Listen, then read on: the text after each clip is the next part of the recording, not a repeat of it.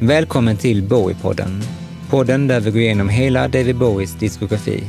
Ett album per avsnitt. I det här avsnittet ska vi lyssna in om Let's Dance och till min hjälp har jag min kära vän Bowie-knasten Martin Ingart.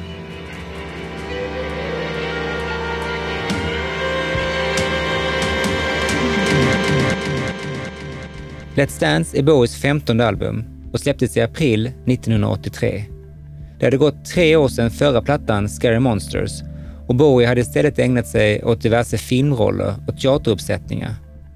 Trots flera kritikerrosade och banbrytande album hade Bowie fortfarande inte fått till ett riktigt hitalbum. Som vanligt lyckades Bowie träffa rätt person vid rätt tillfälle och den här gången var det Nile Rodgers som skulle visa sig vara den person Bowie behövde just då. De hade sprungit på varandra på en nattklubb och klickat så pass att trots att Bowie redan hade börjat planera sitt kommande album med sin tidigare producent Tony Visconti frågade han Rogers om han kunde tänka sig att producera det som skulle komma att bli Let's Dance. Visconti blev extremt irriterad och de två jobbade faktiskt inte ihop på 20 år. Rogers berättade att Bowie visade en bild på Little Richard i en röd kostym på väg in i en röd Cadillac Nile darling, the record should sound like this. Denna märkliga instruktion var dock inget som fick Rogers att backa och sent 1982 flög han till Schweiz där man spelade in demoversionerna på bara två dagar. Bowie valde att byta ut sina trogna vapendragare Carlos Alomar, George Murray och Dennis Davis för att han ville röra om i grytan och inte längre kunna förutsäga vad folk skulle spela. Det blev Rogers som fick välja ut kärntruppen i det nya bandet, som bestod av Nile själv på rytmgitarr, kompad av Omar Hakim från Weather Report på trummor och Carmine Rojas från Nonna Hendrix band på bas.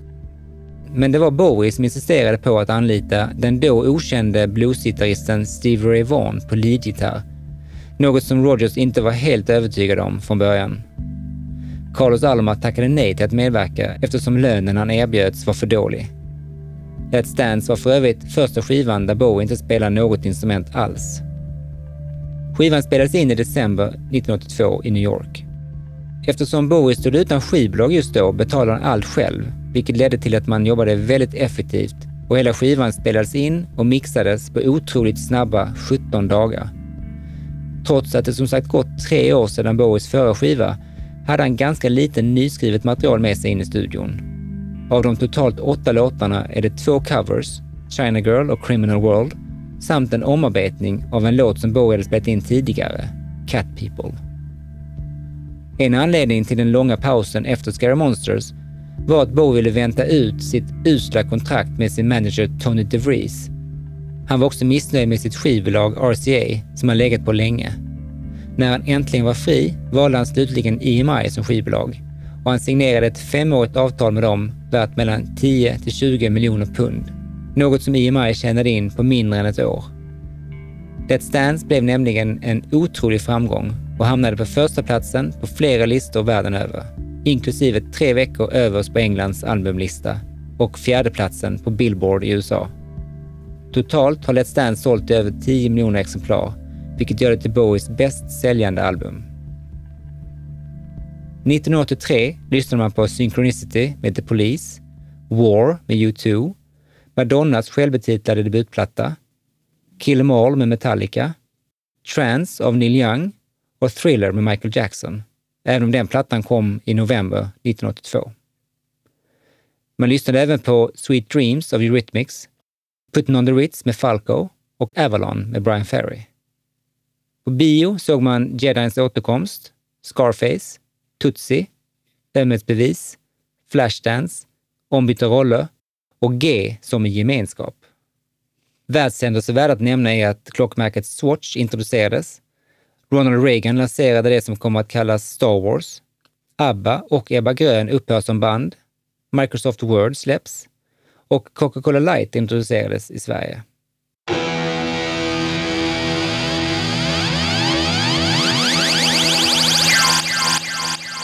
Välkommen Martin! Tack! När kom den här skivan in i ditt liv? Uh, jag fick en skiva varje lördag av min pappa, om jag inte åt godis, vilket jag gjorde i smyg ändå. Men, och detta var en av de skivorna. Men varför valde du denna då? Var du Bowie-fan eller? Nej, jag gillade Bowie redan innan när man såg såna här uh, video MTV fanns ju, eh, men man hade, vi hade ju inte det då. Det var ingen som hade MTV då riktigt, utan man såg videosarna på sådana här nyårs-countdown. eh, eh, Rocket eh, Eh, video.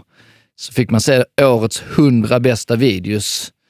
Eh, det fanns också X-rated videos. Då var det så här eh, Duran Duran och sånt, Girls on Fi- Alltså sexiga. Som sändes sent på kvällarna eller? Ja, på MTV gjorde de det sen ju, men vi ha, man hade ju inte det då här hemma. För det var det enda sättet att se det. har jag faktiskt helt glömt. Ja. Sjukt alltså. Eh, nej, men det, då köpte jag den. Eh, jag har kanske nämnt det, men eh, jag gjorde ju mina egna Bowie-fanzine och det var ju det året. Mm.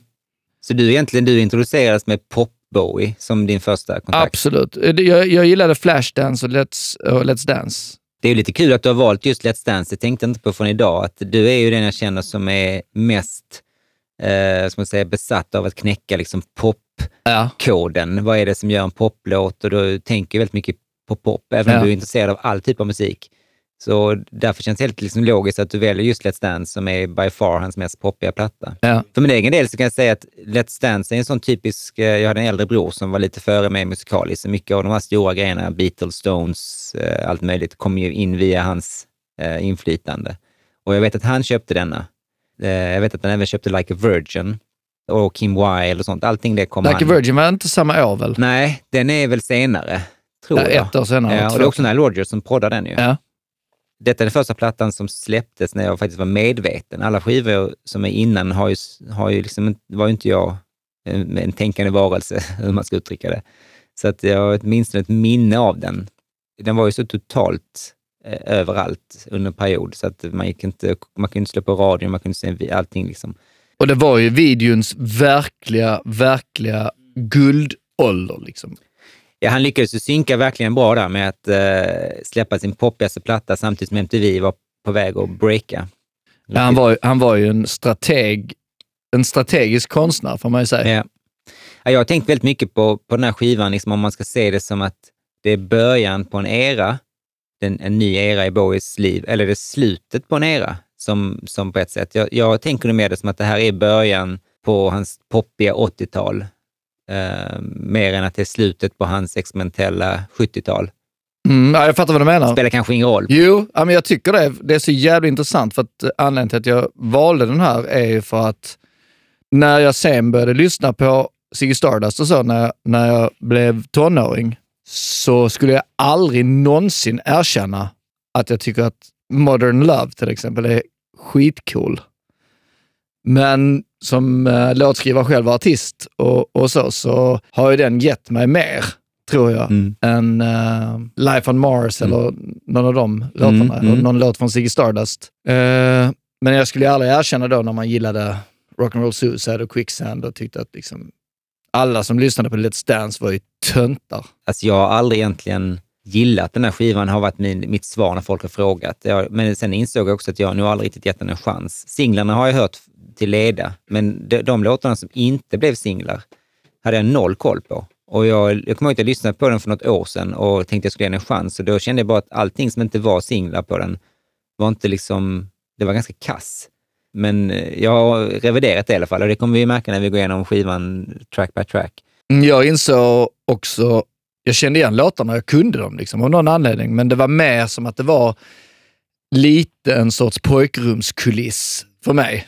Vad var jag när den kom? 11 år, tror jag. Eller jag, jag var nog sen på pucken, så jag var säkert ja, 12. Liksom. Ja, jag förstår. Det var inte det, var inte det året den släpptes som du... Jag in mig inte över Nej. liksom, åh nu kommer Let's Dance. Utan När alla de eh, tuffa killarna som bodde på min gata Mm. hade köpt den, då skulle jag också köpa den.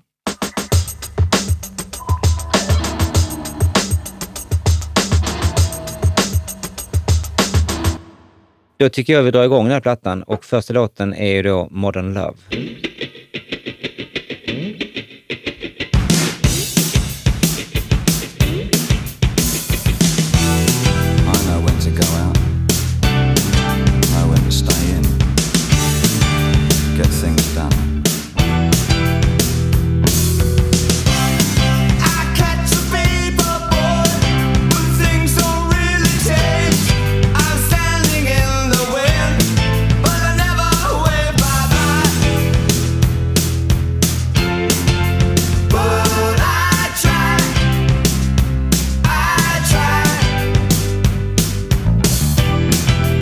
Här tycker jag i alla fall är en, ett exempel på Bowies liksom ofelbara val av öppningslåt.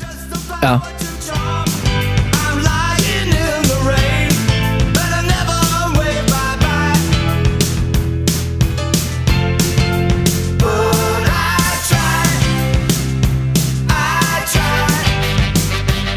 Jag har massa fredagslåtar har jag alltid. Det är låtar som jag sätter på när jag kör från jobbet.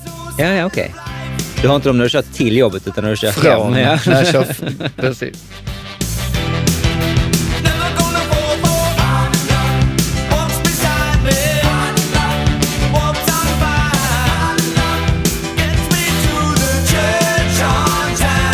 Och den är extremt svängig och... Ja. Alltså jag tycker det är den perfekta poplåten. Jag har svårt att hitta någonting med den som jag inte gillar, förutom att den är lite lång.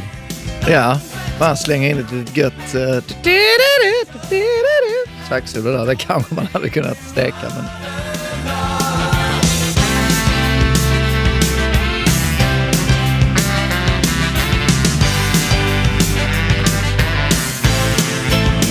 Ja, det finns ju en hel del sax på den här plattan och jag håller med om att det finns, om man, om man verkligen ska leta efter någonting som ska ändras eller tas bort så kanske det är något saxsolo här och där. Men det är inte, det är inte så att det sticker ut som att åh vad kast det är, utan det är, det är helt okej.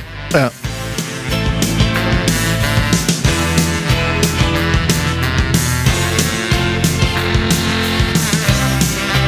Ja, men det är en perfekt låt när man vill erövra USA också.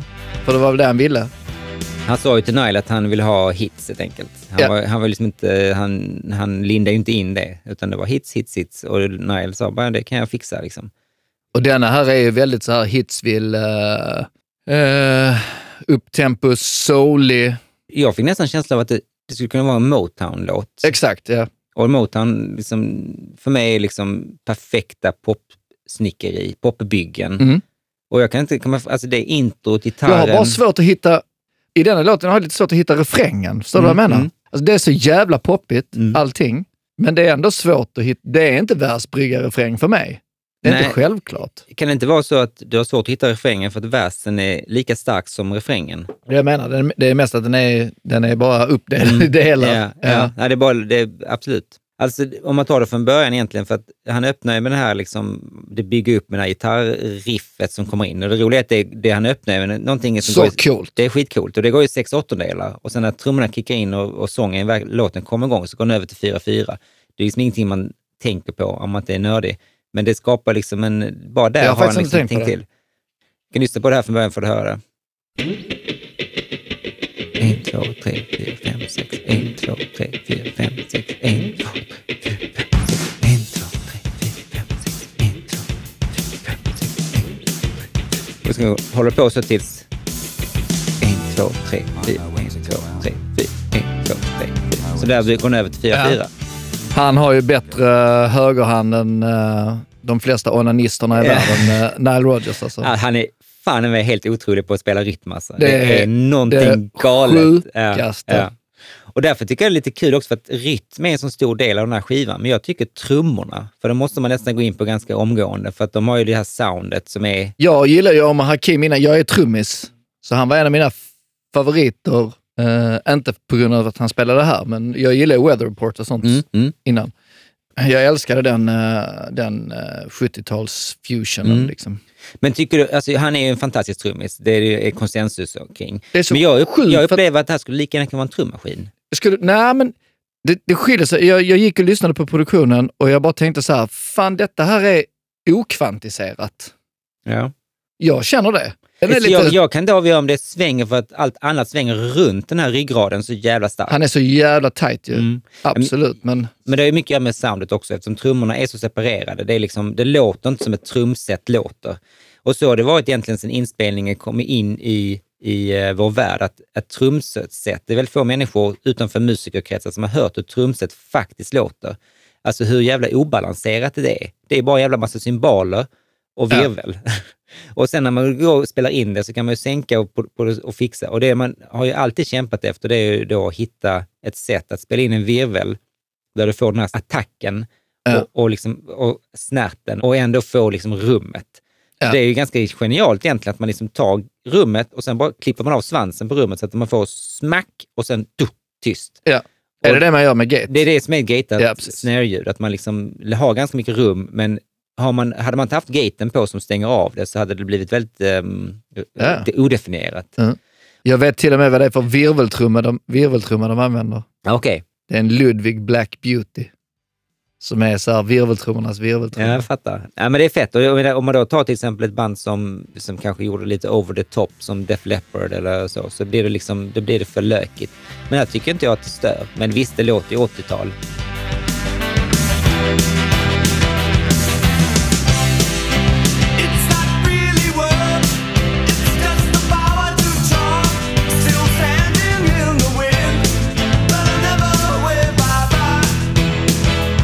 Det är lite luddigt också vem som spelar på, på, på vilka låtar.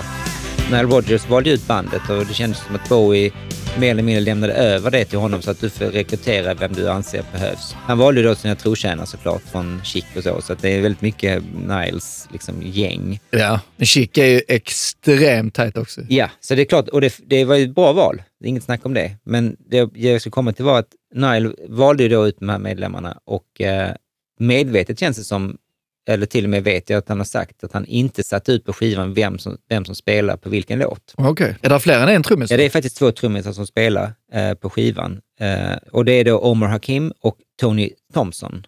Okej, jag har inte hört talas om. Nej, han är också en sån jättekänd, välrenommerad trummis som sen gick in i en lång karriär efter detta med olika typer av eh, producent-cred och turnerat och gjort allt möjligt. Jag kommer inte ihåg nu på rak arm, men han är definitivt ett namn. Mhm. Eh, som sagt, Rogers valde medvetet att eh, låta det vara väldigt otydligt vem som spelade vad. Det står inte angivet på skivan. Eh, han säger själv i ett citat, So, when you see the video and you think, oh, that's Tony playing on Modern Love, I go, no, that's Omar Hakim playing on Modern Love. Tony Thompson pl- is playing in the video because he was on tour with Bowie. I just want it to be sort of a communal effort. With Chic, it's more about a collective organization. It's not about who played what on what. Så det var ett sätt för honom att skapa en, liksom en enhetlighet. Jag, jag kan fatta det, men samtidigt så känner jag att jag fattar inte riktigt heller. För att, men om jag vill veta vem som spelar på vilken låt så kan det väl vara intressant att veta, men skitsamma. Men Det- uppenbarligen är det så att i videon spelar alltså Tony, men i, på, i, på plattan spelar Omar. Ja. Jag tror ingen i princip bryr sig. Nej, bara musiker. Ja. Mm. Det är ett fill eh, på plattan som är ganska återkommande. Mhm. Som kommer fler låtar menar du? Mm.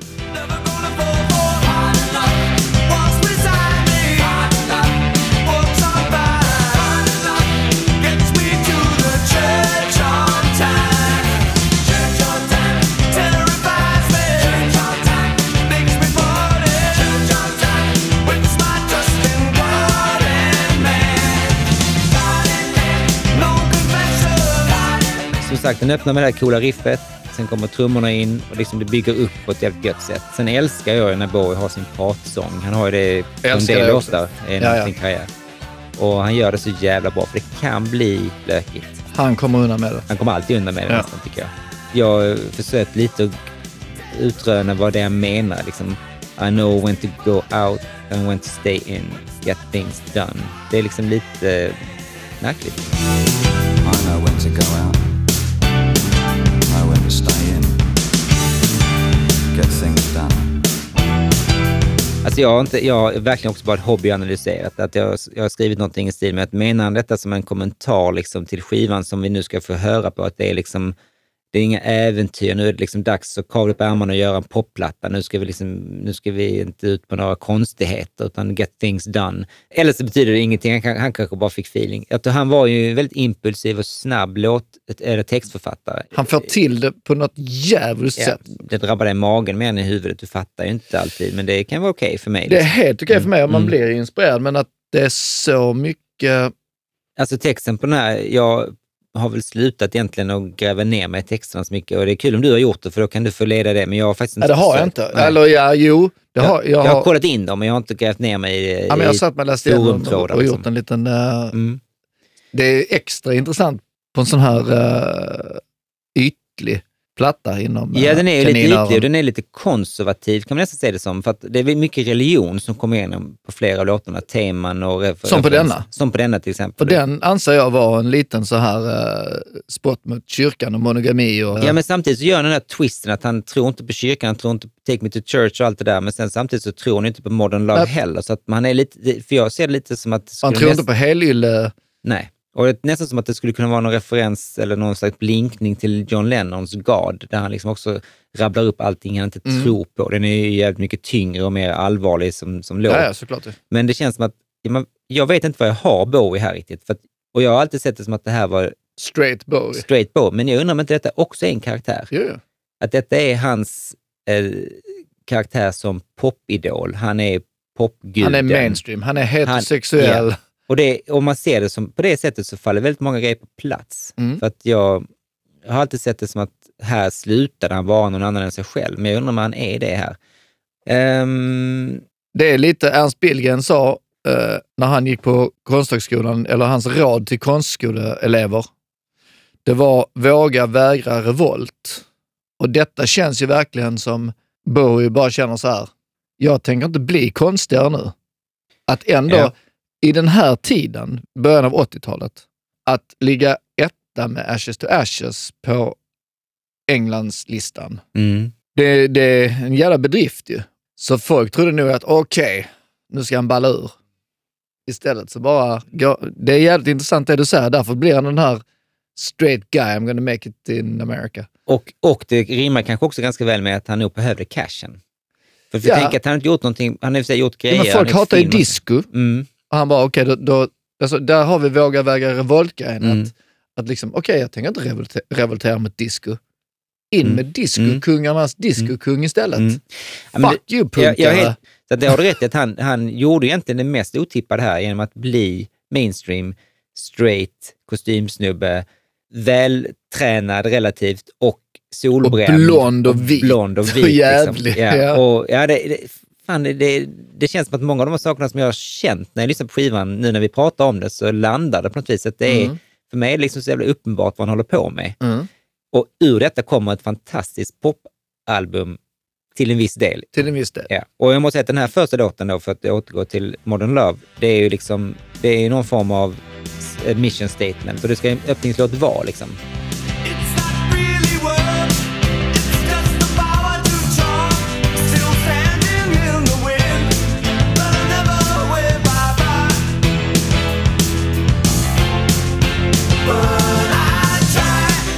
Det visade sig också sen när jag kollade att han valde ofta att avsluta sina konserter med den här låten på turnén som följde.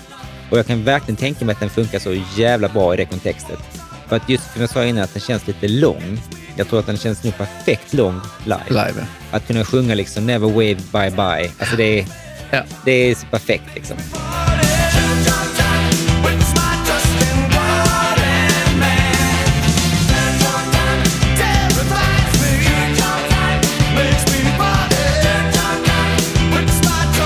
Han är on top of his game här. Och han är omgiven av sådana jävla S. Han är uppsjungen här. ja, han är uppsjungen där. Han har aldrig sjungit så bra eller låtit så bra kanske man ska säga. Precis, jag tror att detta är liksom en av eh, de absolut bästa sångtagningarna han har klämt ur sig. Hela albumet är också, tycker jag.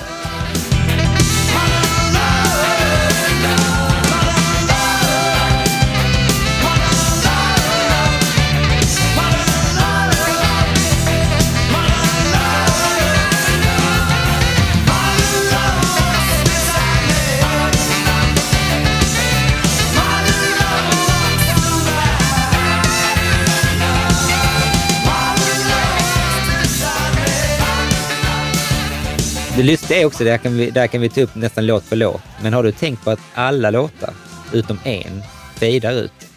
Nej. Det var en lustig grej, precis som att de inte pallade göra ett avslut. Men jag är inte säker på att det är så enkelt, för att för mig är inte fade-out en cop-out. För många är det så att fade gör man bara när man inte pallar ett avslut. Älskar fade. Vissa låtar ska ha en fade-out. Eh, 100 så procent. att, Jag tycker vi- det är för lite fade. Jag kan ibland känna att en, en, ett, liksom ett rakatakatum är liksom, kan ibland sabba liksom hela känslan av en låt.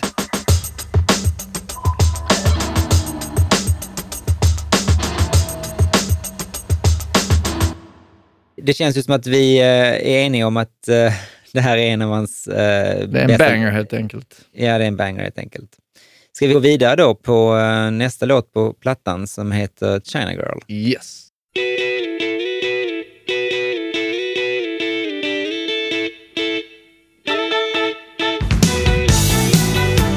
Där var fillet.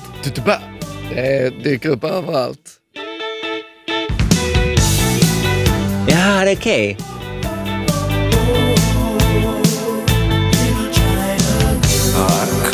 escape this feeling with my China girl. I feel a wreck without my little China girl. I hear her heart beating loud as thunder. So the stars crashing. Alltså den här låten är ju en... Vad ska man säga? Den har den här egenskapen som jag brukar likna med popcorn. Det låter alldeles roligt när man säger det, men när man väl äter det så är det jävligt gott. Ja. Och när någon säger till mig, fan sätt på China Girl med David Bowie, så skulle jag inte känna direkt, ja okej, kanske det. Men Nej. när jag väl gör det och, och lyssnar på den så slås jag alltid av hur jävla fet den är. Ja. I saw the stars crashing down. Alltså Rogers har en stor roll i låtens liksom, signatur för den här hooken som låten börjar med. Han sa själv att han tänkte att jag gör detta och antingen kommer Bowie kasta ut mig och tycka att jag är helt störd eller så kommer han bara köpa det som att det är en humoristisk blinkning. Det är den jag tänker på när jag hör China Girl. Men när jag sen kommit förbi de första takterna så är den ju faktiskt inte med förrän i slutet. Ja, okej. Och det är lite kul för att låten har så jäkla många nyanser och delar som är feta och den, och den hooken är lätt det sämsta med låten. Oh, ja. Den sabbar hela låten tycker jag.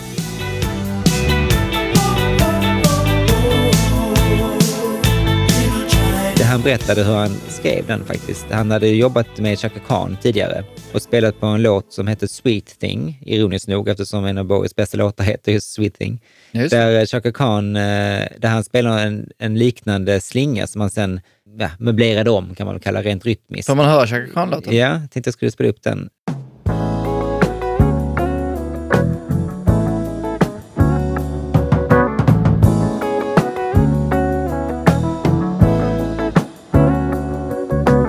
Han har själv sagt att det är därifrån han fick idén till China Girl-introt. Ja, vi kan väl inte komma, komma ifrån the, the most obvious att det är en Iggy-låt. Ja, precis. Eh, Det här är egentligen en idé som började en fyllekväll när Bowie och Iggy höll på med inspelningen av The Idiot. Mm. Då spelade Iggy på ett slags leksakstrumset och Bowie på ett leksakspiano. Och de kallar den här idén för Borderline. Eh, Iggy kunde liksom inte riktigt släppa det här. Tyckte att det fanns någonting i låtidén så han valde att skriva texten till den sen. Men han var ihop med en tjej då som hette Kielan Nguyen. Kielan Nguyen, något liknande. Vietnames. Precis, som var vietnames. Den här tjejen var tydligen ihop med en fransk skådis och eh, hon hade ihop det med Iggy on the side. Eftersom inte hon kunde ett ord engelska så fick de kommunicera med eh, tecken och andra typer av liksom, body talk, vilket ju kan funka med gester och så. Och vid ett tillfälle så satte hon tydligen sina fingrar mot sina läppar och hyschade honom. Så det är någonting som har följt med i, Mm. i texten också. Ehm, den här versionen som de spelade in sen på Didiet är ju väldigt långt ifrån Bowies version. Ja, ja. Vi kan ta en liten lyssning på den för att återbekanta oss.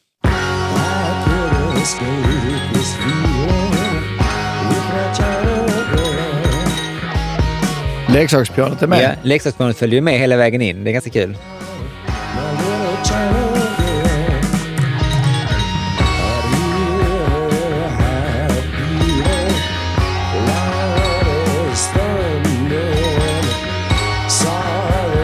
Det är nu du ska säga att du tycker den här versionen är bättre, eller hur? Det sjuka är att jag tycker de är exakt lika bra. Okej. Ja, för mig är det en stor nackdel att jag har hört China Girl med David Bowie många, många, många gånger och den har jag hört typ en och en halv gång. Så att jag har inte riktigt vant mig än. För, för mig är detta covern. Ja, originalet är Bowie.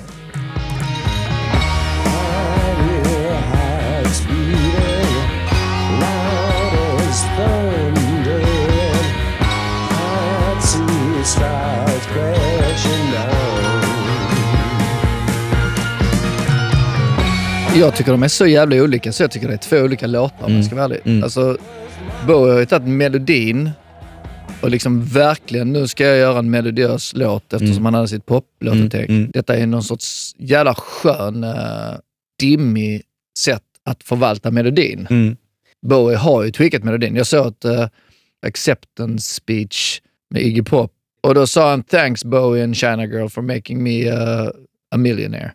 För det är jag lite inne på, för att jag har undrat lite varför valde Bowie att göra den här igen. För att den är fet. det, för att den är fet. Det måste vara anledningen. För att det finns en del röster som menar på att det var ett sätt för honom att hjälpa sin vän som hade lite tajt ekonomiskt. Skitsnack. Han har ett ganska långt track record av både innan och efter den här plattan att göra covers. Nu är det lite kul att han gör en cover på sin egen låt ju såklart. Men Mm. han har också spelat in sina egna låtar flera gånger. På flera plattor så förekommer ju en låt som han har gjort tidigare. Ju mer man eh, har pluggat den här plattan så inser man att vi, just vid det, vid, vid det här tillfället i Bowies eh, karriär så kan jag känna och börja ifrågasätta hans smak lite. Mm. Ja, det, det, det har jag inga problem med att göra. Hans smak har alltid varit Jag har alltid random. älskat hans smak. Mm.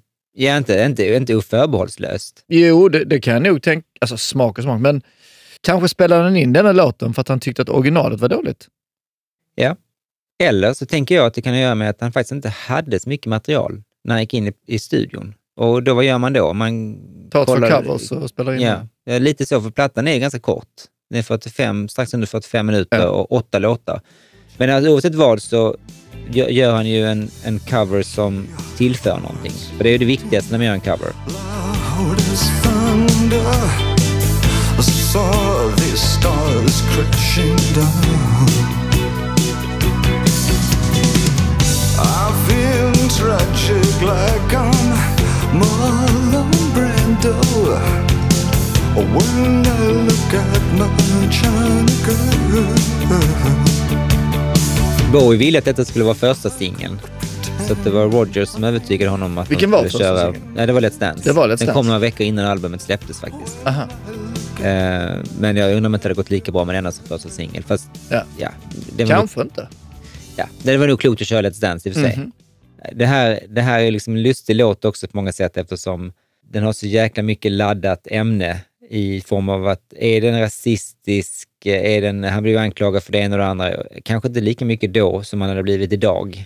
Eh, videon inte minst. Denna veckan har jag kollat igenom alla Bowie-videos och så och insåg att, för att jag, jag älskar liksom äh, vackra människor och, och så.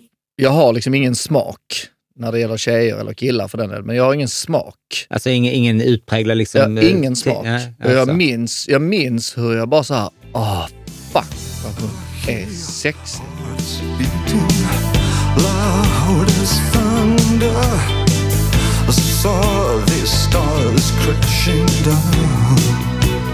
Och det är lite så, är det en satir, är det ironi eller är det liksom bara att man är aningslös? För att det är lite det, jag vet ju, och jag vet det kanske till, men jag är helt övertygad om att Bowie var ju inte en rasist. Folk som tycker det, jag undrar om de verkligen tror det. För att det man, det man kan anklaga honom för är ju så för att han är lite aningslös eller lite ansvarslös. Och inte ens det håller jag med om. Men att, att han skulle vara en rasist, det är ju så jävla dumt så att jag kan inte ens bemöta det. Det jag älskar med den här låten är just att den är så tvetydig. Det finns så mycket bilder och bildspråk och referenser till saker som, jag, som vi snackade om tidigare. Jag fattar inte riktigt vad han menar. Iggy. Ja, förlåt. Det är ju Iggy som har skrivit texten. Den är väldigt icke-Bowies. Mm. Nej, men det, det är sant. Den är, den, den är ju det. Och den, är, den har ju den här... Fast eh, också lite icke-Iggy. Jag kan ju inte Iggy så väl, så att jag kan inte avgöra om detta är en typisk Iggy-text eller inte. Nej, det är lite för många ord. för många ord. Ovanligt må, många ord för att vara en Iggy. Ja, och lite, lite svåra ord också. Han liksom det här med... Eh, jag älskar ju vissa verser som kommer in liksom... Jag eh, tror nu Bowie har varit inne och petat lite.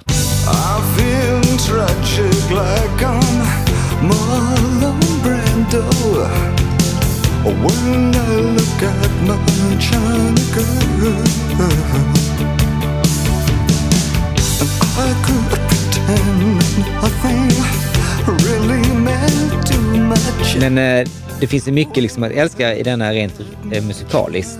Eh, man Oh, måste, ja. Till exempel rytmgitarren som man spelar här.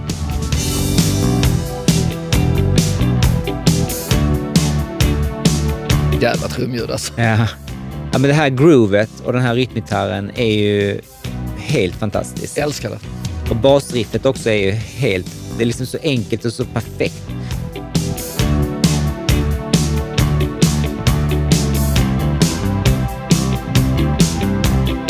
Och det roliga är att det är många som jag tror liksom luftspelar till basen snarare än gitarren på denna. Det är liksom basen som har huvudrollen. Oh ja. Du, du, du, du, du, jävla bra. Du, du, du, du. Detta är det bästa med hela låten. Mm. Sticket är det absolut bästa.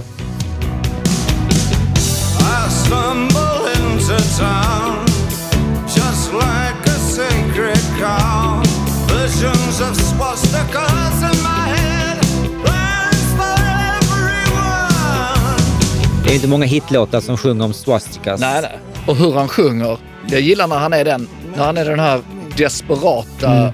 Jag älskar det när han blir preacher.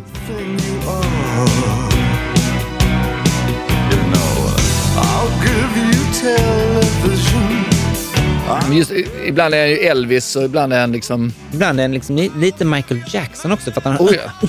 väldigt rytmiskt staccato och liksom fraseringen är så jävla exakt. Really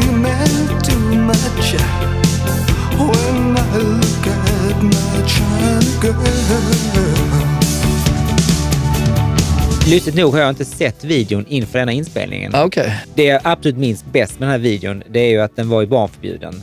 För att slutsekunderna var ju censurerade i vissa länder. Givetvis inte i Sverige, men den- det var, en liten, det var en liten varning innan den sändes att eh, det här kommer väldigt mycket... Men den röda flaggan eller? Nej, det är för att de ligger och knullar på stranden på slutet. Just fan ja! Det förklarar ju varför den, varför den var med på de här topp X-rated eller topp barnförbjudna videosarna. ju, För att, ah, Ja, för mig är det det jag tänker på mest när jag tänker på videon.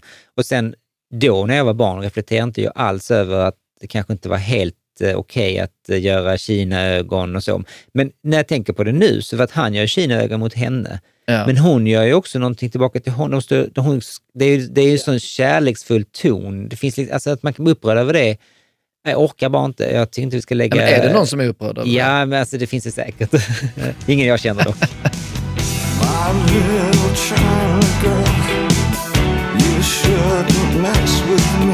Det finns ju väldigt mycket i eh, detaljerna i den här låten som jag har fastnat för. Alltså liksom fraser, rytmgitarren, trumfill, formen på låten också. Det är så jävla... Den, liksom, den överraskar nästan hela tiden med goda grejer. Um, jag tycker också det är kul med den här liksom galoppgitarren som kommer in i, jag tror det är vänster hörlup.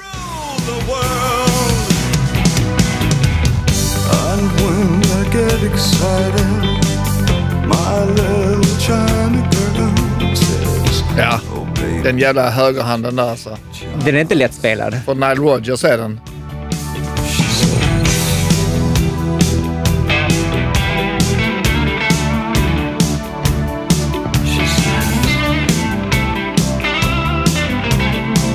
Ja, det kanske är dags att prata lite om eh, Steve Ray Vaughan. Hur är din relation till bluesen, Martin?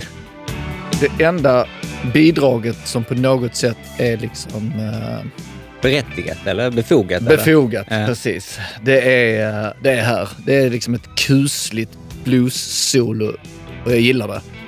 Men Stevie Ray som så på detta albumet, jag, jag tycker han är cool bluesröst.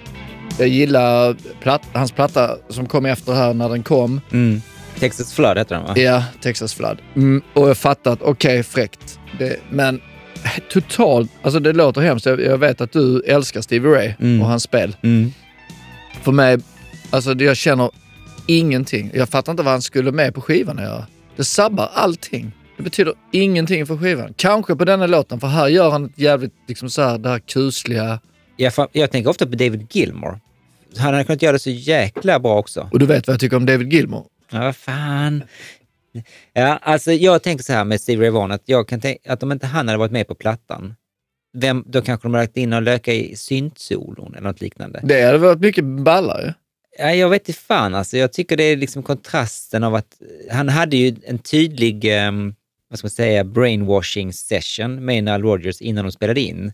Som han tydligen ofta har med sina musiker, där han liksom inte egentligen ger dem tydliga direktiv, utan han, han liksom har en kväll eller ett par dagar med dem när han spelar musik och visar omslag och liksom nästan som liksom kommer in liksom under skinnet på dem. Och då var det mycket Little Richard och, bl- och gamla bluesgitarrister och sånt där. Och, och när Rodgers blev liksom perplex, för han, han hade fått reda på att han skulle göra en hitplatta.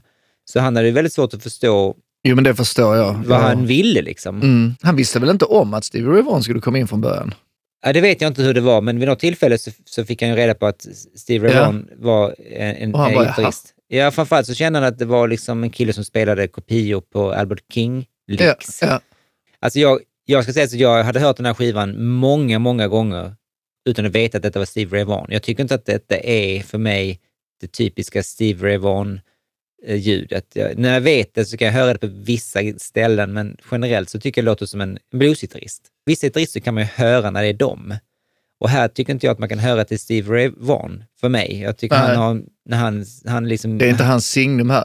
Grejen är, jag hörde, jag, jag lyssnade på en intervju med, uh, vad fan heter han? Producer, uh, Mixa-killen. Han berättade att Stevie Ray bara kom med en sladd, en gitarr och sin stärkare. Japp, det har jag också hört. Fast sånt stör mig alltså.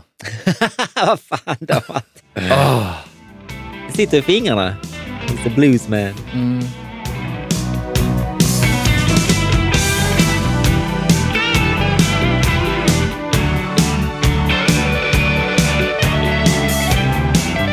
Jag är inte jätteförtjust i Steve Vaughans liksom, låtskrivande. Eh, så han är, men jag, jag, det lustiga är faktiskt att jag tycker egentligen mest om hans gitarrsolon. Jag tror Nile Rodgers var lite sur att han var vit. Det finns så många andra bra svarta blues. Ja, det kanske var så ja. Jag har inte problem med Stevie Ray insats på denna låten. Jag tycker den är fantastisk.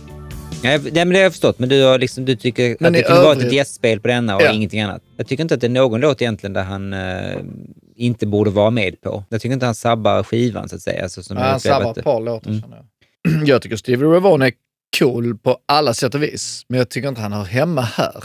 Ja, jag, jag tycker Alltså han och. Nile Rodgers har så, måste ju ha så lite gemensamt. Alltså jag tror, det bara känns som att de två har så jävla lite gemensamt.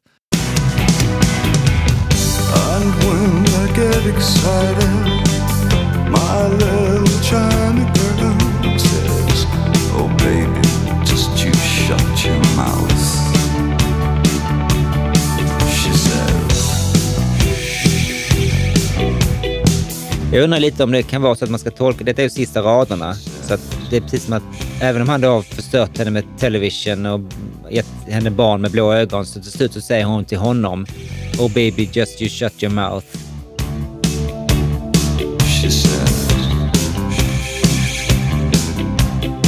Och sen så slutar låten, så att hon får ju sista ordet. Ja, det är så bra.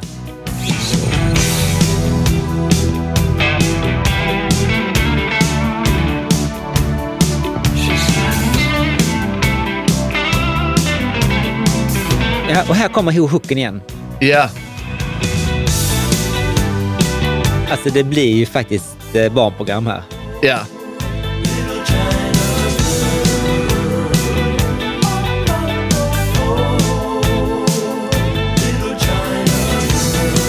Och så kommer såklart En fade. en fade.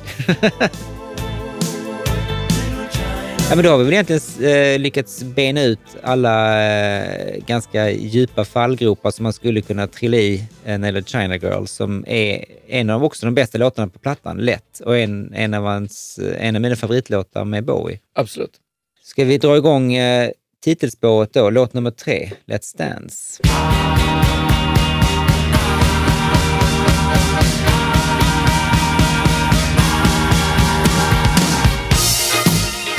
Kom det igen. Mm, jag hör det.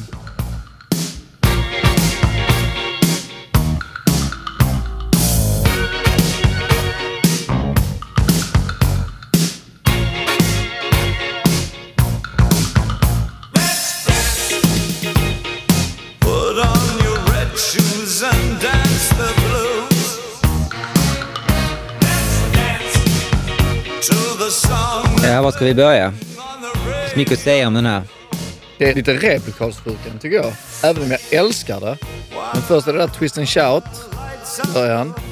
Den här jävla eh, knastjazz-saxofonen. Mm. Alltså jag menar replikalsjuka är att man inte stekt någonting. Ja, replikalsjuka är att bara åh fan det låter kul, det låter ball, det ska vi ha med, det kör vi på. Den är 7 minuter och 37 sekunder. Så, Hur i helvete är det ens möjligt? alltså jag måste säga att detta är enda gången jag har hört den riktiga långa versionen. Jag har alltid hört Radio den, edit. den radio edits Mm. på olika samlingar och allt vad Mm, de må vara. Så att jag blev lite paff över att den var så här lång och tänkte, har den alltid varit det? Men nej, den är ju väldigt effektivt nedklippt. Men där är inte knastjazzen är inte med på Radio Edit. Jag, jag har inte jämfört dem. Men A är med. Förlåt? Uh, Twist and Shout Twist- är med. Ja, den, här inledningen med Twist and Shout-introt då som kommer ju från She Loves You, fast det är egentligen en klassisk eh, trope som man liksom har tagit. Men, man Absolut. tänker, lite- men jag tycker det är lite ball att det är liksom en callback till eh, att liksom öppna med någonting som är ett crescendo, liksom egentligen, som är så jävla smart. Men det är samma grej här kan jag säga, att, som jag jämför med China Girl, att när någon säger till mig, åh, sätt på Let's Dance, så får jag sällan feeling. Men när jag väl gör det så blir jag glad. Och jag blir sällan glad av att höra introt. Jag, jag tycker inte det är så kul med De skulle börja, bara, bara börjat med det Ja, med delay. Ja. Ja. För att hur de leker med delay här, det är så skönt. Alltså. Ja, det är ju, alltså det här är förutom The Edge då, som också är en delay-maestro, som egentligen inte... Gillar honom. Ja, absolut. Och jag kan säga att alltså, hans riff utan delay funkar ju inte. Nej. Och det här riffet utan delay funkar inte heller. Nej. Det finns ju YouTube-klipp där Nile Rodgers visar hur han kom på det. Mm. Och det är väldigt kul för att det är inte för att han kopplar på effekten som man känner, ah, nu är vi hemma liksom. Det är ett upstroke, that's it. Men det roliga är att hela, hela den här kompositionen är ju en av de första som David Bowie presenterade för Rogers. För då hade han ju sagt att jag vill ha ett hitalbum. Så en dag hade han eh, då kommit i, i, in till Nile Rodgers i hans rum eller var de nu var någonstans och sagt att jag tror jag har skrivit en hit. Och det här är vad eh, Nile Rodgers själv säger. So I'm going to tell you one story that I think is sort of interesting. How David Bowie's Let's Dance started out like here and began there. He walks into my bedroom one morning, says, Nah, darling, I think this song was a hit. And he starts playing something like this.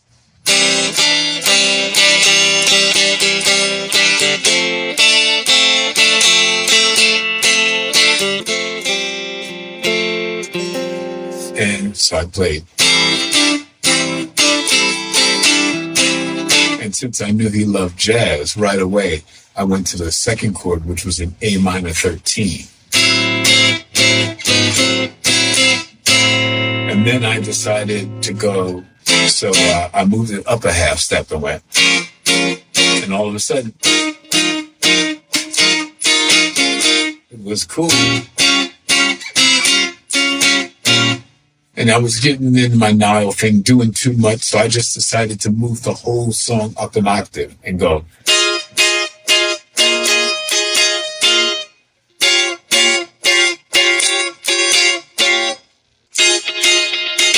And then we let the delay make the groove to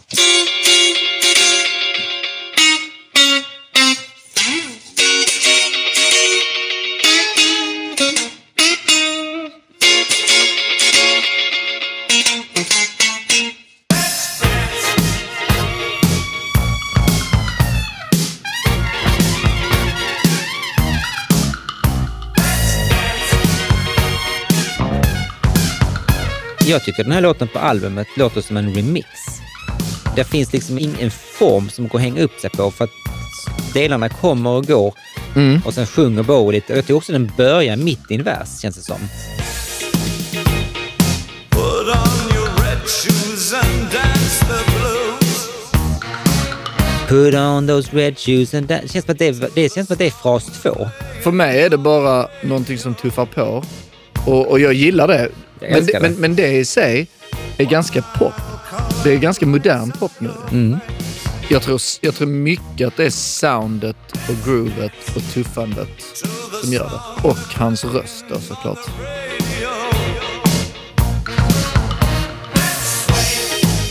Wild color lights up your face.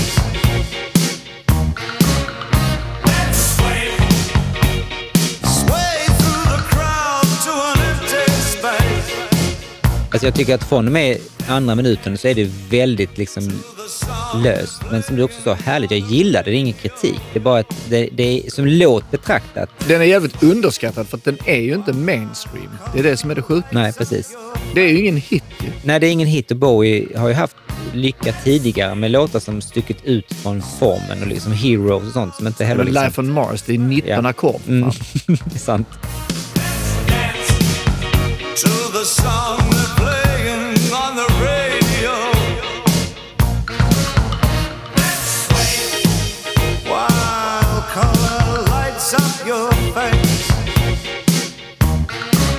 Vi nu bara prata vidare om hans sånginsats som hittills både på låt 1 och 2 har varit fantastisk. Här är den ju också helt magisk. Sångljudet, hans insats, hans sätt att liksom att frasera grejer. När han sjunger flower med det här jävla goa Elvis-drivet. Det är fucking amazing.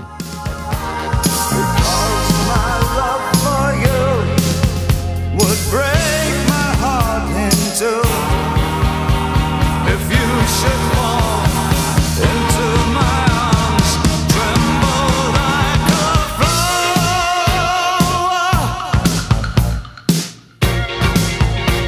Jag tänkte inte på den delen faktiskt. För att när vi nu återgår till Bowies texter så har han ju, som vi sagt innan, han kan ju vara ganska medioker ibland och helt fantastisk ibland. Och fraser kan liksom, i samma låtar till och med. Och här upplever jag det som att det är ett sånt exempel där det kanske inte är liksom det mest poetiska man... Jag eller- älskar det raka. Ja, because my love for you would break my heart in two är ju lite banalt på ett sätt. Mm. Men sen följs det av. If you should fall into my arms and tremble like a flower är ju så jävla, Jävla liksom fett, ja. fett. ja. Mm. Och det gör han i samma jävla vers. Det är ju så gött. Jag älskar det. Mm. Att han liksom blandar detta liksom, eh, liksom ganska... Det poetiska, Med, poetiska. det, med, med det pekorala. Ja, och det funkar ju framförallt när man hör det. Mm. Det är ju betydligt annan upplevelse när man läser texten. Och det, så är det med många texter. Ja, fan, pop är pop ju. Put on your red shoes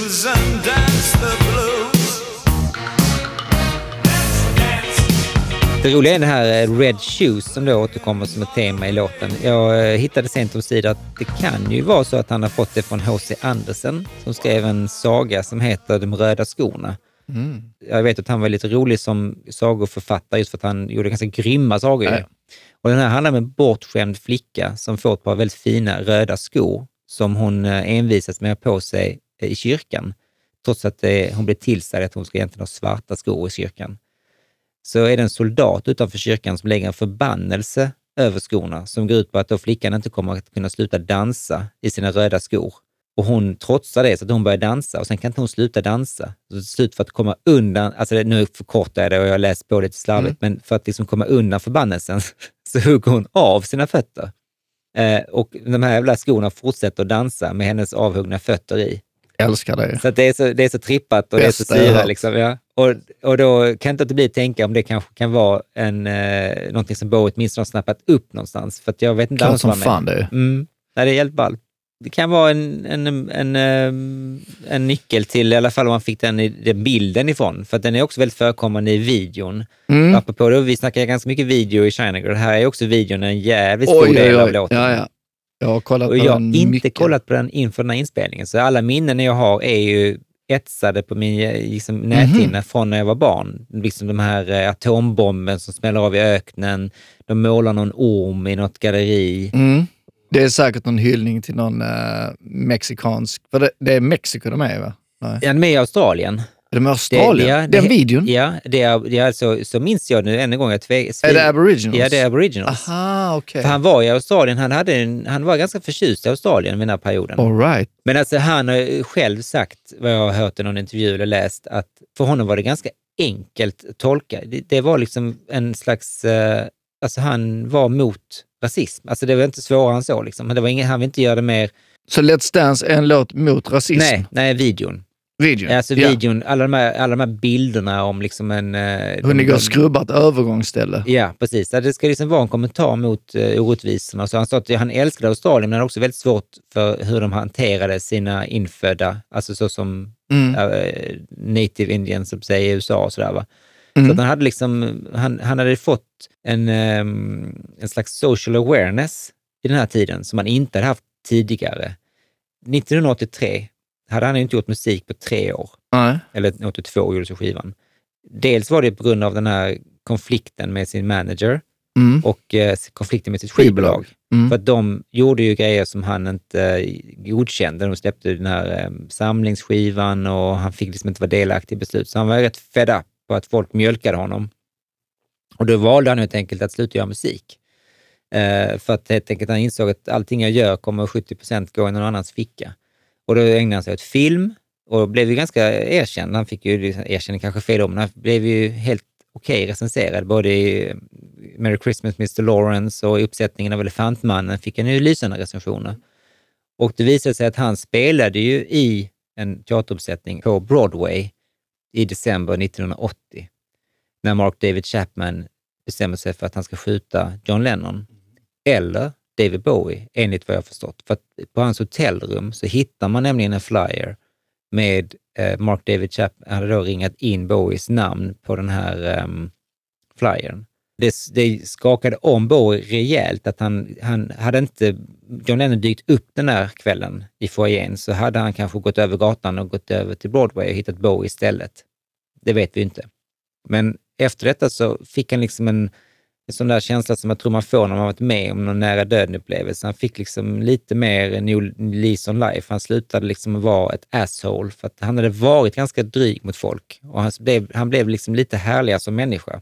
Men det jag ska komma till då, den här långa utläggningen, det är att eh, när, när han då gjorde den här videosen och så, så var han liksom en liten do-gooder. Han ville liksom göra gott. Ganska typiskt 80-talet Ja. förvisso. Ja, när Live Aid och Band Aid och allt det. Ja, och, och liksom, nu har vi liksom levt så här, sex, drugs and rock'n'roll, har varit punk och det har varit fuck det, fuck detta. Och Mm. det, men det har liksom inte riktigt känts... 1983 så var han liksom i en, eh, en nystart i livet, tror jag på många sätt. Mm. Att eh, kickat eh, också sitt eh, management äntligen blivit fri från det och sitt skivbolag och så. Att jag tror att eh, liksom hela skivan känns som en, en person som verkligen är liksom eh, in a good place. Ja. Men det här med eh, Red Shoes och text, jag tycker överhuvudtaget, om man nu ska återgå till texten då, som vi började snöa in på, så är den ju väldigt melankolisk. Även om låten Och är... videon också. Och videon också. Har du ja. tänkt på det? Hans blick i videon är så jävla härlig. När han står mot det här kaklet Ja, just det. med sin eh, typ en strata. Ja, och sen hela groovet är ju helt fantastiskt. Det är här- så jävla Det galet. jag tänkte på var att, som jag sa i inledningen, att den tog bara 17 dagar att spela in och mixa. Det är också för att det är inte speciellt mycket instrument på skivan. Allting är där av en anledning. Mm.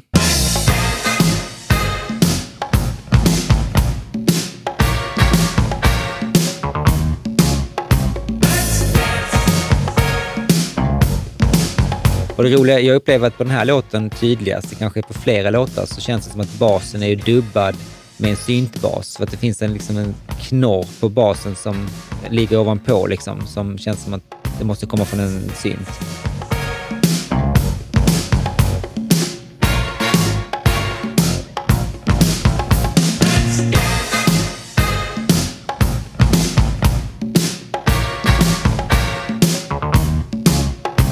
När jag tänker på Let's Dance Mm. så tänker jag på Put on your red shoes. Den fraseringen, den är så jävla Den cool alltså. Den är så cool. Mm.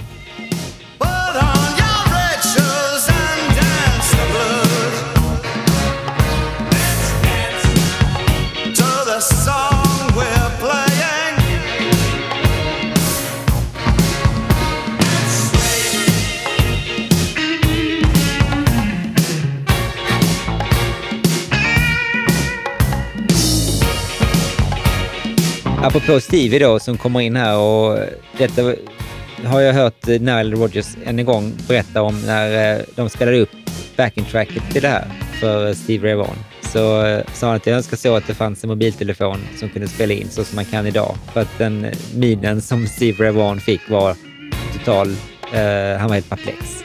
Alltså vad i helvete ska jag spela för detta? Ja, men det fattar man ju. Ja, det fattar man att han inte riktigt, eh, visste vad han hade gett sig in på liksom.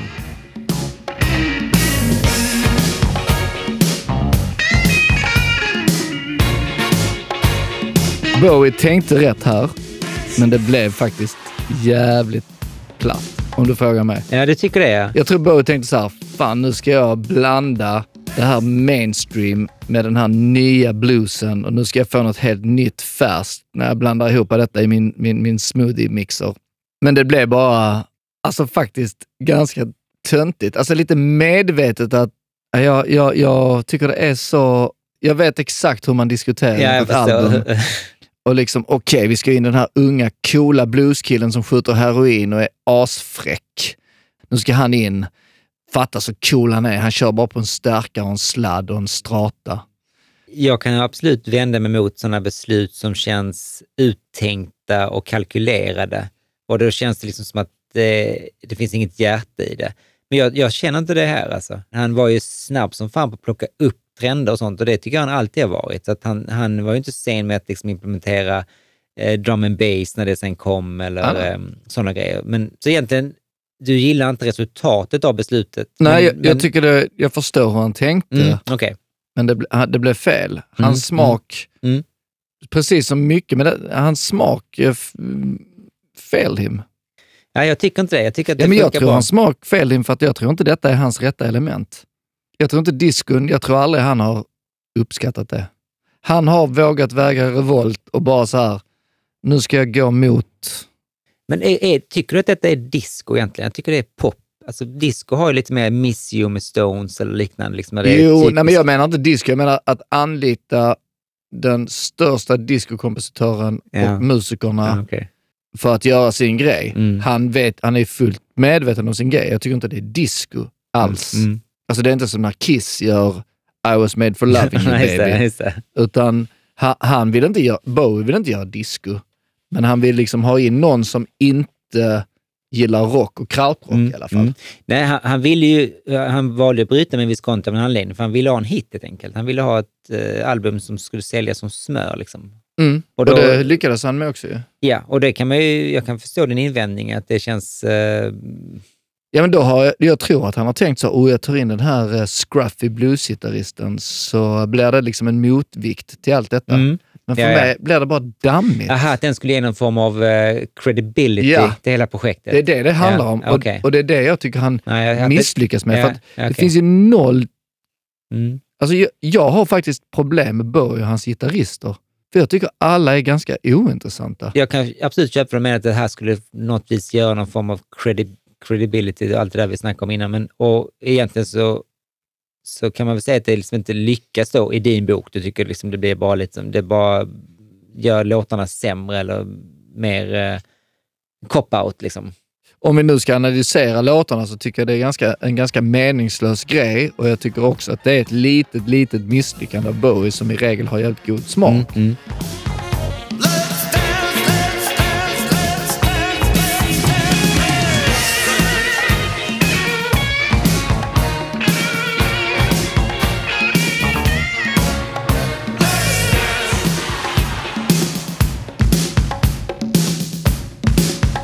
Delay är en stor del av den här låten. Både Mm. gitarren, inte minst gitarren, men också på, trummorna är det det här slapback-ekot. Ja. Och jag, jag kan inte låta bli att tycka, det är lite som sånt där pip i bakgrunden i kylskåpet. När jag väl har lagt märke till det så Kan man stör jag på det. Ja. Framförallt i lurar blir det väldigt markant. Ja.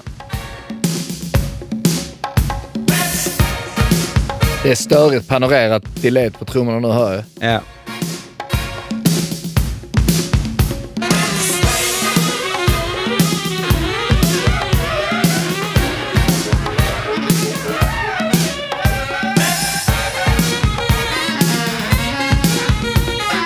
Det är roligt också med blåset, för att det är också en stor del av, av hooken ju. Eh, att det är liksom, han bangar ju inte, i alla fall i den här liksom långa versionen, att det var lite knäpp. Liksom. De här blåsgrejerna är ju ganska weird. Så jävla coola. Mm.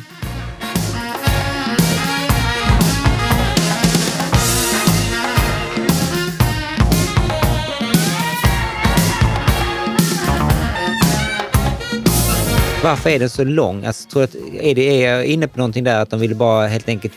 Fan, albumet är för kort. We gotta make these songs longer. Kan det ha varit en sån diskussion? Ja, men där tror jag faktiskt på Bowies... eh, Integritet liksom? Ja. ja. där tror jag att Bowie kände att okej, de har gjort den här låten. Nile Rodgers bara, men Bowie detta är ingen hit. Nej, nej, okej. Make it a hit.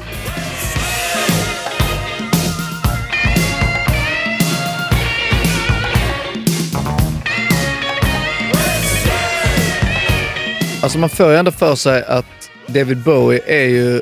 Han har inte så mycket humor, Men han är ju ändå alltid lite politisk på något sätt. Eller? Jag kan känna att Let's Dance, nu när man är äldre, att det är lite eh, en hånfull grej. Eller? Du känner inte det alls? Nej, har tänkt på. För Fast- varför, varför skriver man en låt som heter Let's Dance? Mm. Om man inte...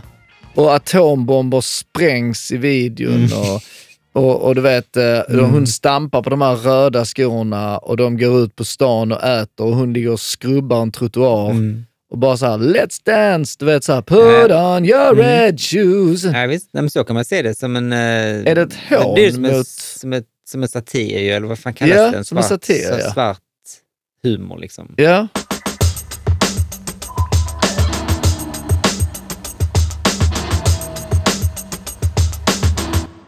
Nej, men eh, då går vi in på sista låten på eh, sida A som heter Without You.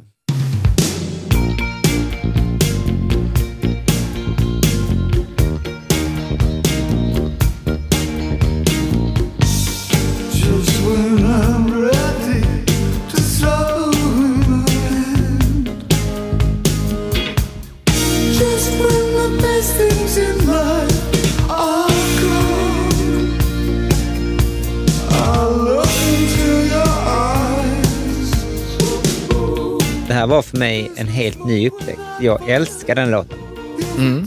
Alltså som jag sa innan, så att alla låtarna som inte var singlar hade jag ju dömt ut som kassa. Alltså på riktigt. Eh, Och för mig är detta en ny Bo-låt. Alltså jag har Mm. hört denna sedan förra veckan, eller två veckor sedan. Så att jag kan inte fatta hur jag missat den. Jag tycker den är bra, men jag tycker den är, den är så otroligt tacky rent eh, produktionsmässigt. Det finns ju tydliga vibbar då från Police, de här ackorden som dring och även Mm. Avalon med Roxy Music. Men jag orkar inte basen heller. Den är så sån knorrig bas som ligger rätt långt fram i mixen. Jag tycker det är skitjobbigt.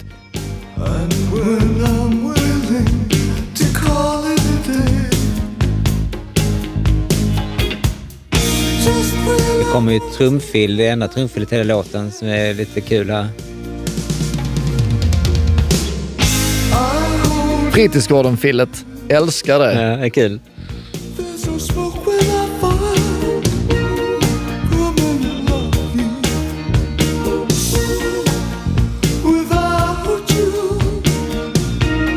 Detta är ju då Bernard Edwards som kom in och spelade. Och vad jag förstår det så gör han det för att eh, han blev ombedd att komma in. För att eh, Carmine Rojas då, som är basisten på alla andra låtar, eh, fixade inte spelare. Och då hade han varit så himla kaxig när Edwards sagt att vi ringer Bernard så fixar han det på en kvart. Ja, men det är äckligt basljud alltså. Jag har inga problem med någonting med produktionen. Jag har liksom köpt någonstans att visst, hade du sagt att detta var gjort förra året så hade jag kanske reagerat. Men, men just att jag har liksom lite förlåtande inställning till det. Låten är lite för så här ha- habil kärlekslåt. Och alltså Bowie har ju aldrig varit någon king på kärlekslåtar. Om man då bortser, alltså eh, på, på, det, det har han ju inga direkt. Nej, det är... Och denna här känns ju som en straight up Mm. Hello woman, Mm. I love you. Ja. Vem skulle jag vara utan dig? Och det är lite kul, men den bara, alltså. Ja, du har svårt för basen alltså. Nej, men jag har svårt, produktionen här, Ja. det är liksom, det är, jag kan tänka mig att man låg liksom i någon gillestuga och hånglade med någon tjej som luktade genhällen i håret eh, till denna här på 80-talet. Men inte mer så. Men som låt tycker, håller jag med dig. Jag tycker den är skitgod, men produktionen sabbar det. Han sjunger som en... Ja, han sjunger Jävla väldigt ned, han är väldigt, väldigt nedtonad här. Mm. Han tar inte alls eh, lika mycket språng eller gör liksom en showcase av sig själv. Och det Fast han visar ju ganska mycket i sitt register. Både Ja, det ja. låga och det höga, vilket är coolt väldigt som mycket det fan. höga, det här mjuka falsetten som går genom hela låten. Det är Ja, och fantastiskt. sen så när han alltså, är... I många av de andra låtarna så glider han ju i samma vers ibland, upp och ner. Jag, bara, jag får ingen känsla av... Jag tycker sången och allt, det känns som att bandet spelar en annan låt. Bowie sjunger en annan låt.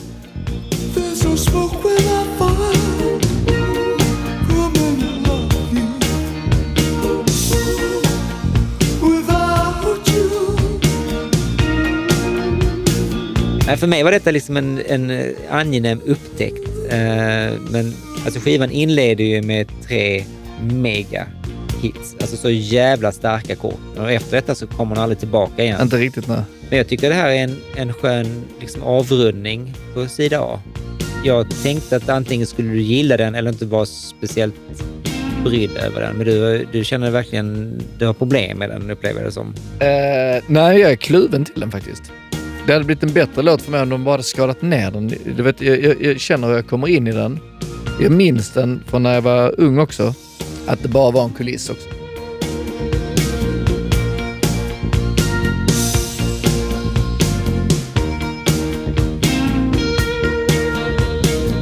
Här sabbar verkligen Stevie Ray Vaughan allting. Att han ska in i varenda luft, varenda litet luftrum ska han in och, och, och, och, och attackera.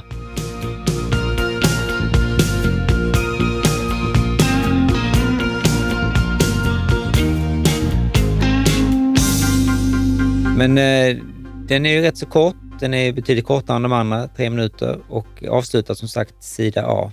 Då eh, kanske vi ska flippa på eh, vinylen och Yes. eh, kasta oss in i låt nummer ett på sida två, det vill säga låt nummer fem på plattan, som heter Ricochet. Ricochet.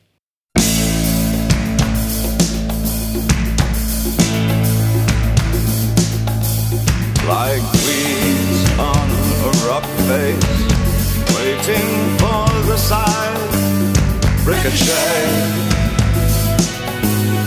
ricochet. Alltså den här låten bryter ju totalt mot poppen som har regerat och blir liksom den mest avantgardistiska låten på plattan. Eh, hittills i alla fall och kanske totalt sett. Vad tycker du? Är du liksom ett fan eller? Litet fan faktiskt. Only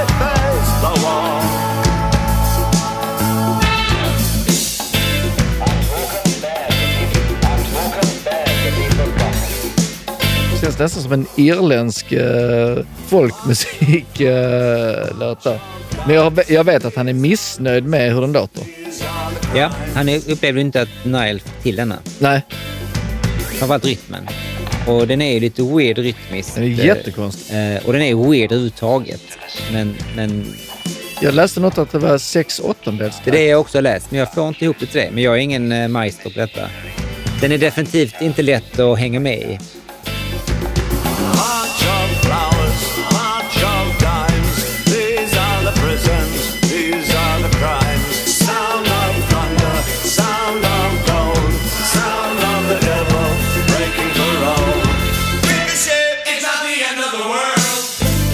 Alltså, trots då den här väldigt skumma rytmen och alla konstiga fraseringar så är det är liksom inte där jag har problem med att, att den är weird. För jag brukar ofta gilla de låtarna som är mest out there på hans plattor. Jag, jag bara gillar inte låten så mycket. Det är nog ganska subjektivt. Det, Det är långt ifrån min favorit David Bowie-låt. Mm. det skulle lätt platsat på Lodger och liknande som har liksom Mm. såna galna spår blandat med de här mjuka poplåtarna. Så det blir ofta lite platt för mig när Bowie ska skriva om någon annan än sig själv. Här skriver han ju en låt som är lite, lite social awareness, lite, lite så... ehm, Mm. eh, och det gör han även på Lodger, faktiskt Repetition, som är väldigt tydlig låt liksom, om kvinnomisshandel och ett uh, abusive förhållande. Och jag vet inte, jag kan liksom inte riktigt köpa när Bowie tar på sig de skorna. Jag tycker det är skönt. Alltså jag tycker inte det är så bra, men eh, nu lyssnar vi igenom ett helt album Mm. och jag, när den kom så tänkte jag så här, ja men tydligt så här lite, akta er världen, mm. för här är David Bowie. Mm.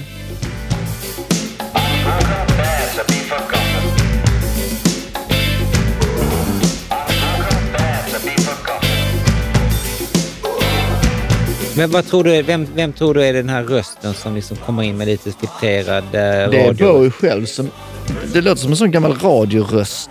Så här, är det Orson Welles? Är det, ja, du vet. Ja, men det låter lite som eh, på The Wall nämligen, så är det lite sådana grejer också att det kommer in eh, lite filtrerade mässande. Eh, så det kanske var i tiden att göra det. Det låter som du säger ett nyhets, nyhets Ja. nästan samplat. Mm. Ja, men det var det jag trodde. Jag försökte luska reda på vad det var, men tydligen så, var så stod det att David Bowie impersonating a Welsh person reading.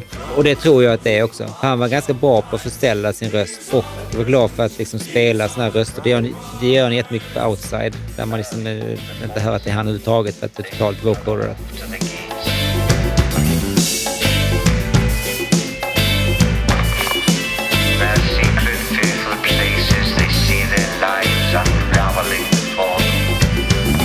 Jag är egentligen inget stort fan eller jag har aldrig lyssnat särskilt mycket på Grace Jones, men plötsligt fick jag för mig att det är så här jag föreställer mig att hennes musik låter. Det har du rätt i. Den är riktigt uh, Grace Jonesy.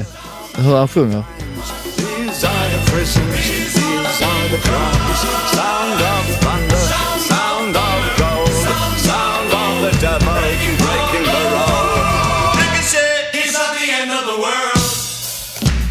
Det jag däremot inte har koll på särskilt mycket är Gloria Estefan och därför är jag inte helt säker på om jag har rätt i det, men jag tycker att blåset här är lite Gloria Estefan.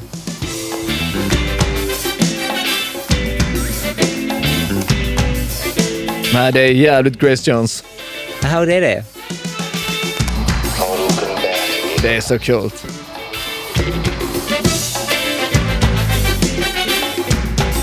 Jag älskar det här blåsarrangemanget. Det är det Nej, som... Jag tycker det är lite lökigt. Jag tror att jag känner för det här så som du känner för Stevie gitarr. Ja, så är det kanske. ja.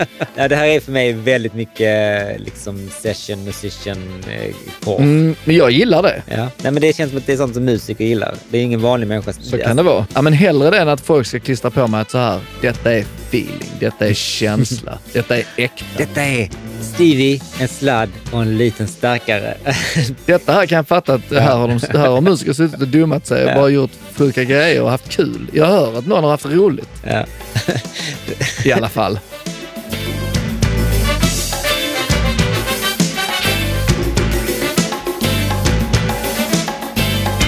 Det här är den enda låten som inte släpptes som singel. De spelar aldrig den live heller.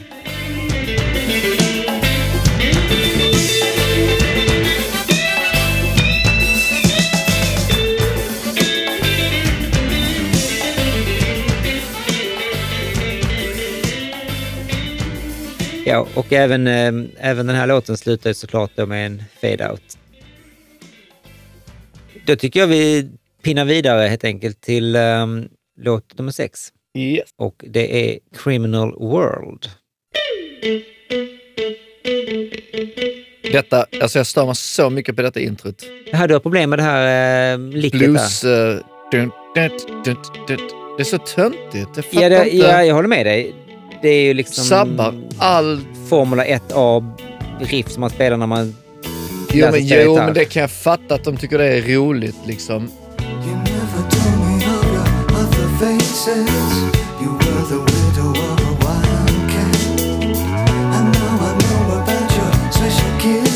Det här är ju också en av coverlåtarna på plattan. Låten gjordes av bandet eh, Metro och släpptes 1977. Jag tycker att så här, vi tar bort den här låten från albumet nu, så lyssnar vi bara på originalet. Hela originalet och så pratar vi bara om originalet.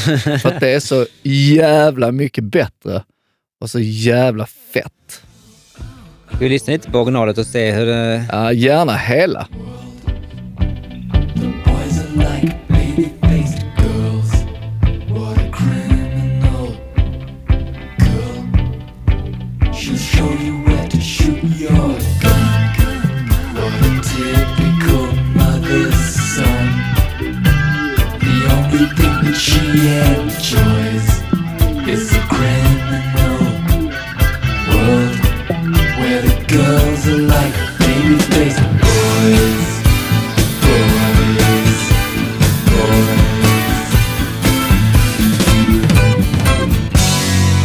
Men jag håller med dig om att det, det finns en annan mörkare energi i uh, originalet. Ja, den är så mäktig alltså. Jag får lite så gåshud. Mm.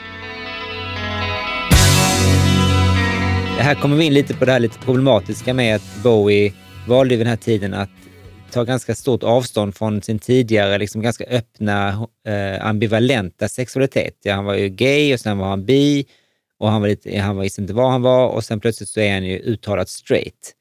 Och så väljer han då att göra den här eh, covern av en låt som är så uppenbart eh, gay i sin, i sin text. Um, han ändrar ju texten också. Han ändrar vissa rader. Eh, så att eh, man kan väl tycka det är lite konstigt. Han sjunger till exempel You caught me kneeling at your sister's door. Men i originalet sjunger de I saw you kneeling at my brother's door. You caught me kneeling at your sister's door. That was no ordinary stick. Och det känns som att han vågar inte riktigt eh, var den här gay... eh, Eller så, eller så är det tydligt, eh, så är det hans nya karaktär. Jag tror att det är för att han ville helt enkelt breaka i USA och de hade alltid haft mycket mer problem med hans gay-ikonstatus. Jag vet inte hur stort svek det egentligen kan ses att han lämnade gaykulturen hängande just när aidsen också bröts ut. När de redan hade det ganska tufft. Och han dementerar ju sin homosexualitet ganska tydligt i intervjuer här och eh, han gick ju från liksom gay, bisexuell till 100% straight på bara ingenting liksom. Mm. Och den här låten, skulle den vara någon slags eh, uppvägning mot det då? Att, man, att han liksom tänker att jag är fortfarande på er sida så jag tar en gay-låt och gör Jag, den. jag, jag tar en låt som blivit förbjuden av BBC. Eh, Det jag hörde faktiskt från en blogg som var väldigt insiktsfullt eh, inlägg från en, från en helt vanlig person bara. Som skrev Bowie was changing quite a bit at this time, going from artist to businessman. He was through with the uncertainty of the purely artistic world and wanted the certainty of a steady paycheck. I don't think it was a betrayal of the gay community so much as colossally and inadvertently bad timing. Att, helt enkelt det var, att han valde att göra det just då, det var bara liksom dålig timing. Han kunde fan inte veta att, att det skulle komma ett virus som i första hand skulle drabba homosexuella. Ehm, och jag tror bara att han valde helt enkelt att se om sitt hus. Och ett sätt att göra det var, jag ska breaka i USA, jag kan inte framstå som queer, då Ja. slutar jag vara det. Men det är ju jävligt kalkylerat. Ja, men sen kan man också vara trött på att vara samma person hela jävla tiden. När han kom upp så var det ju en big fucking deal att vara gay. Ja, men det är mycket med hans, hela den här grejen med det svaga sida. Jag tror han har alltid haft den. Ja, kan det vara också. Att Ja, men han, till exempel eh, jag som växte upp under rave-scenen. Mm. Alltså gay-communityn har ju alltid ägt natten. Ja, ja. ja, men du menar att det var det som drog honom in i den I världen? gaykulturen, ja. Du tror inte att det bara var kalkylerat att... Gaykulturen har lett honom in ut i natten och festa och där har han då sett orättvisorna. Okej. Eh, och därför har han tagit deras parti och han har ju säkert varit öppen. Nej, men jag var mer inne på att han kanske valde att eh, göra de här uttalandena var liksom ett sätt för honom att få headlines.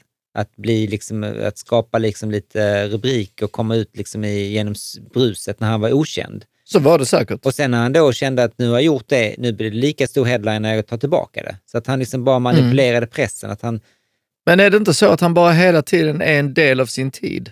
jo, jag tror också det. Grejen är att han, jag, han kanske kalkylerar, men han är hela tiden en del av sin tid. Han är liksom som en designer som har sin smak men som ändå följer med, med i tiden för att inte bli, ja dels för att, och ligger i framkant också, det gör han inte alltid. Mm. Och då är frågan, nu, nu kan inte jag svara för gay-communityn, för jag, jag vet inte exakt, men jag har svårt att se att om jag hade varit gay, att jag hade känt mig sviken för att min favoritartist Ingen gay att som vara... Nej, jag tror inte någon gay som har känner sig... brytt sig. Det är Nej. säkert vita heterosexuella Mm. som, som jobbar på Rolling Stone som kanske tycker det, men jag har aldrig känt det att han har svikit en, en minoritet här. Men varför tror du att han ändrade textraderna då? Var det liksom bara för att han, han pallade inte riktigt med och han vill, inte, han vill distansera sig helt ifrån all typ av ambivalens? Då kan han lika gärna valt en annan låt ju. Eftersom han whitewashade den så jävla mycket. Mm. Hetero-washade den. Heterowashade den, ja. Men eh, ja, det är jävligt underligt. Sen tycker jag att låten, både originalet och hans version, likadant där tycker jag båda två är ganska feta. Jag var Ja. inte så förtjust i hans version när jag först hörde plattan. Jag skrev så här, ja, I. Boris, nej? Nej, det var ingenting som jag eh, direkt fastnade för, men den har vuxit på mig faktiskt. Jag satt och läste igenom texten och bara så här. Detta har David Bowie aldrig Ah, du kunde skrivit. pinna det, okej. The widow of a wildcat eller vad det var. Jag bara så här, fan vad crazy.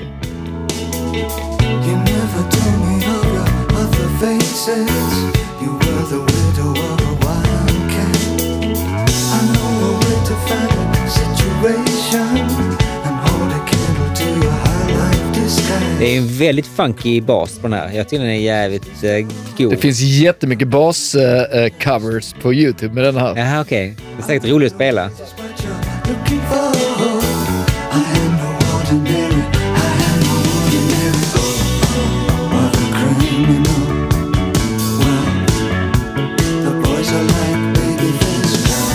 Nej, det händer mycket liksom. Är, man, man måste kunna sin greppbräda liksom. Jag tycker den är mysig. Jag gillar när han sjunger när han ligger där bak. Mm.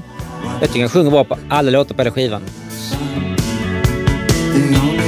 Det, det är intressant när man hoppar lite från eh, skiva till skiva nu, från de tidiga skivorna och mellan eh, tiden så att säga, och slutet, så hur hans röst ändras. Ja. Och här är han i sin prime alltså. Han Ja. är så jävla i kontroll och... Oh, ja.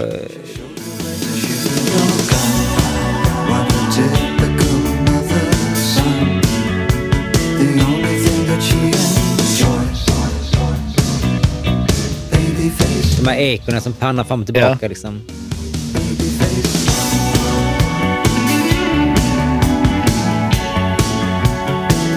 What a criminal.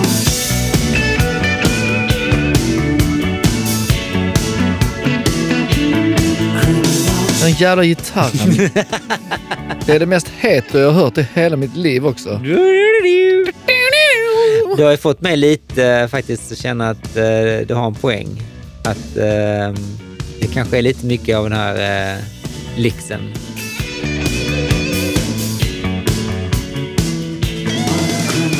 Här vill man bara... Och givetvis så slutar den med en fade out. Det, det är faktiskt ett konstigt val. Det, det är lite som att ha, låt säga att du har en, en låt och så väljer du, men fan ska vi inte ta in liksom um, harpa på den här? Ja, fett. Men då har du harpa på den låten. Mm. Du tar inte in harpa på fem av låtarna, för då blir det plötsligt en harpa Jag hade gjort det.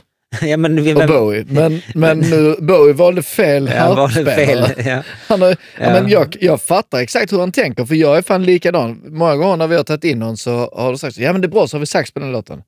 Ja, varför? Vi har inte sax på en låt. Har vi sax på en låt ska vi fan med ha sax på i alla fall mer än hälften av låtarna. Jo, men jag kan tycka att vissa instrument kan man ha det för just blås, stråkar. eh, sånt. Ja, det, men just att ha blueslick, det, det är liksom för specifikt. Det är det jag liksom. menar ju. Och det är blues liksom, vad fan de är så jävla malplacé. Kanske är det skitcoolt. Ja. Hade, man, hade jag Ja. liksom varit i en Mm. annan börjar ålder, en annan tidsålder. Fan Förstår du vad jag menar? Ja. Du har sabbat det för mig nu. jag, är- Nile Rodgers, jag kan se honom bara sitta i ett hörn och bara så okej, whatever. Alltså detta är långt ifrån en favoritlåt hos mig. Jag bara... Jag Jag, bara ja, men jag tycker hela produktionen är, Mm. är ganska cool, Mm. förutom Steve Ray då.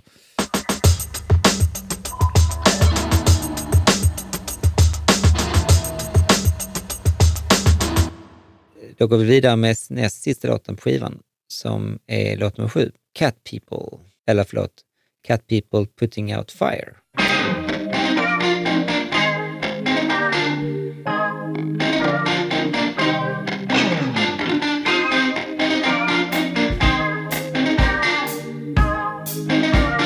Thousand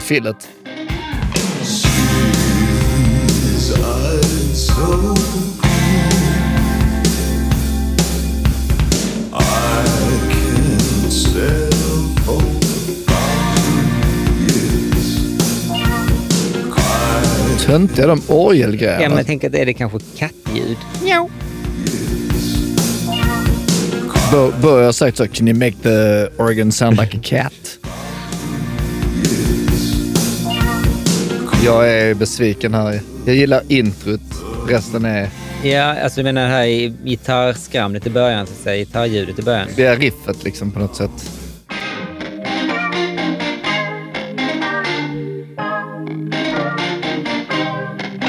Den här låten skrevs 1982 eh, för filmen Cat People eh, som gjordes av Paul Schrader. Och trots att den blev en ganska stor hit i den versionen så valde Bowie att spela in den igen för Let's Dance. Och jag har inte riktigt fått klart varför han gjorde det, men jag tror att det har att göra med rättigheter faktiskt. Nej, han, var, han tyckte den var jättedåligt uh, inspelad av Giorgio Moroder.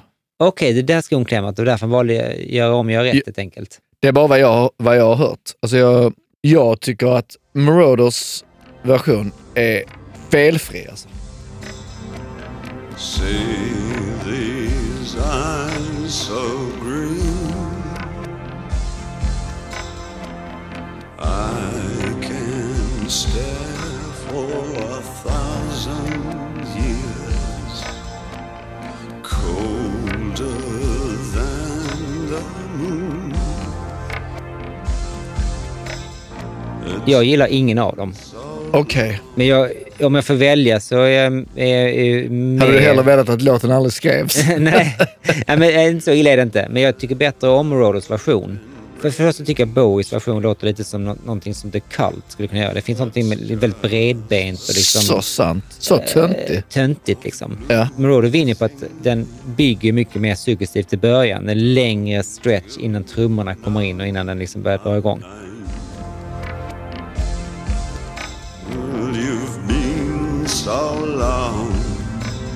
Jag älskar det. Percussion. Så Mm. jävla cool. Det här tycker jag det är väldigt mycket Scott Walker också såklart. Mm.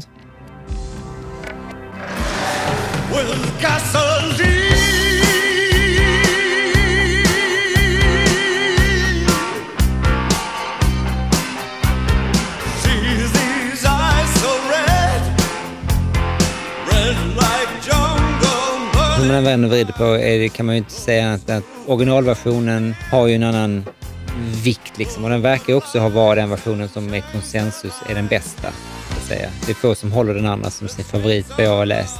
Ja. Jag tycker den är smått olyssningsbar.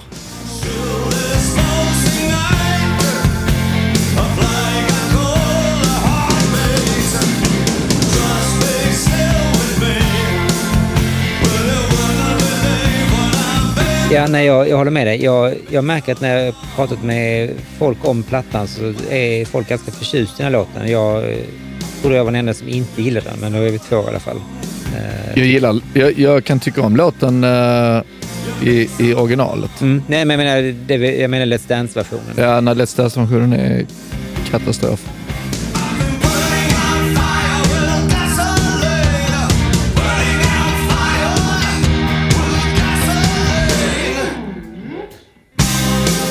Det jag har svårast för här är ju refrängen, för att den blir så himla eh, tuff liksom, på något vis.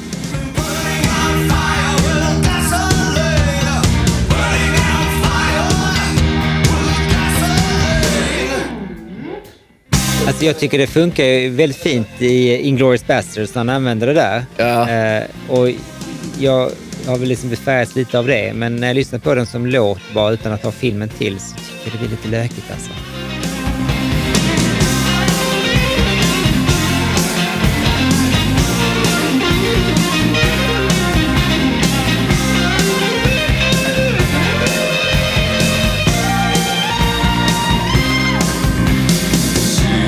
Som sagt, jag är ju jag är svag för, för, för bluesgitarr och allt det där och det har vi redan etablerat.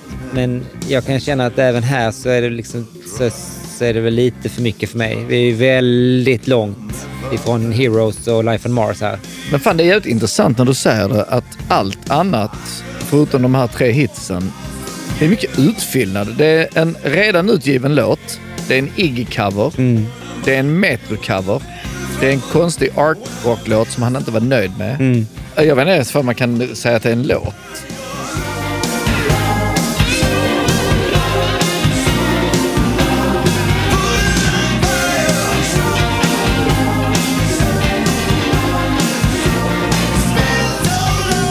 Och givetvis så uh, fejdar den ut.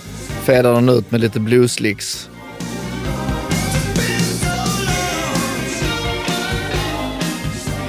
Eh, skivan är ju väldigt kort så att vi är faktiskt redan framme vid eh, skivans sista låt. Låt nummer åtta som heter Shake It.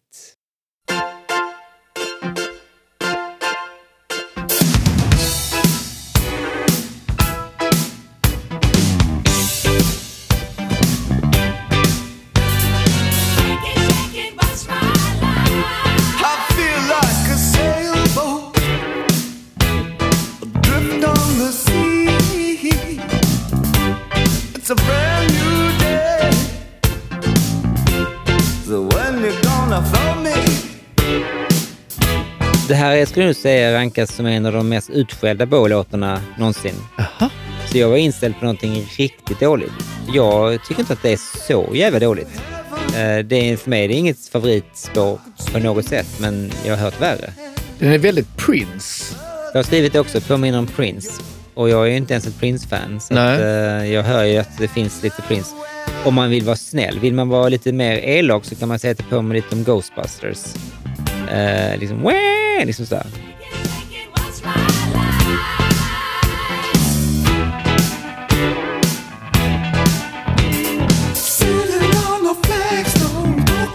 Han börjar texten med I feel like a sailboat adrift on the sea. Så tänkte jag, ja, det är väl ungefär så han kände sig kanske när han stod och skulle sjunga. Ja.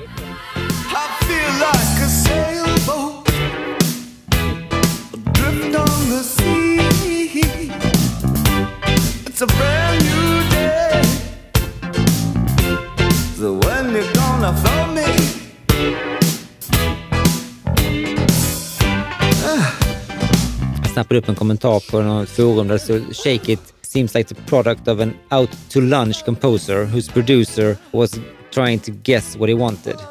Att liksom det bara, jag vet inte om det stämmer, men det känns så och det är illa nog. You're better than money. Jag är inte som sagt inte så jäkla kritisk mot Bowies texter för de är alltid lite hit and miss. Men här går det lite över, över gränsen när han sjunger I could take you to heaven, I could spin you to hell, but I'll take you to New York. It's the place that I know well. could take you to. I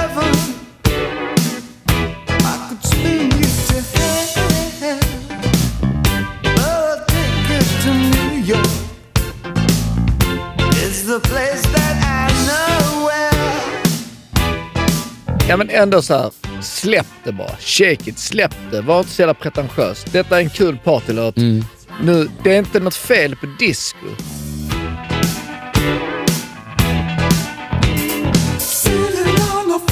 Alltså det är någonting på den här låten som, som verkligen skaver så är det väl liksom att de här jävla körerna är ju lite enerverande.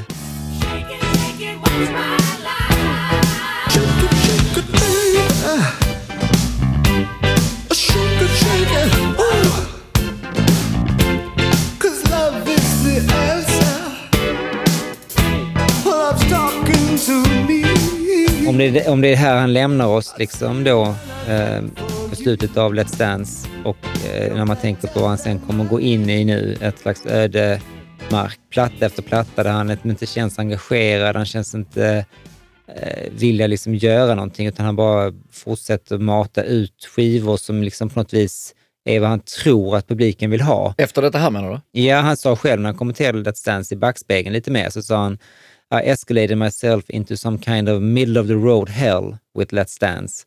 I just didn't have any real interest in writing or playing. It's as simple as that. Och vägen ut ur det blev ju Tin Machine sen. Mm. Men ehm, om man släpper ett platta som Let's Dance så kan man i princip släppa vad fan som helst för att det kommer ändå säljas som smör Mm.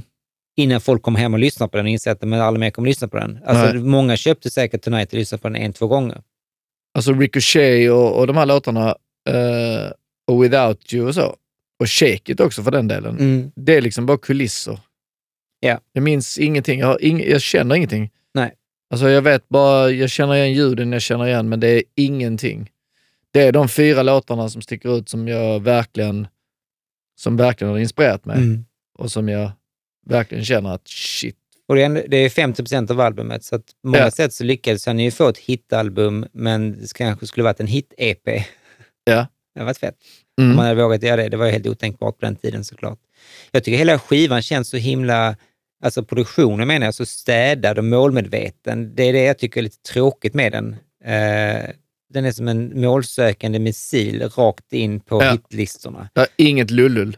Så att jag undrar om inte detta bara var hans liksom, ett cyniskt cash-in. Nu skapar vi en ny persona, jag ska bli pop, jag ska bli the man who sold the world och jag säljer den till mig själv ungefär. Om det inte hade varit för eh, låten Where Are We Now och albumet Blackstar så hade det varit, för min del, slutet.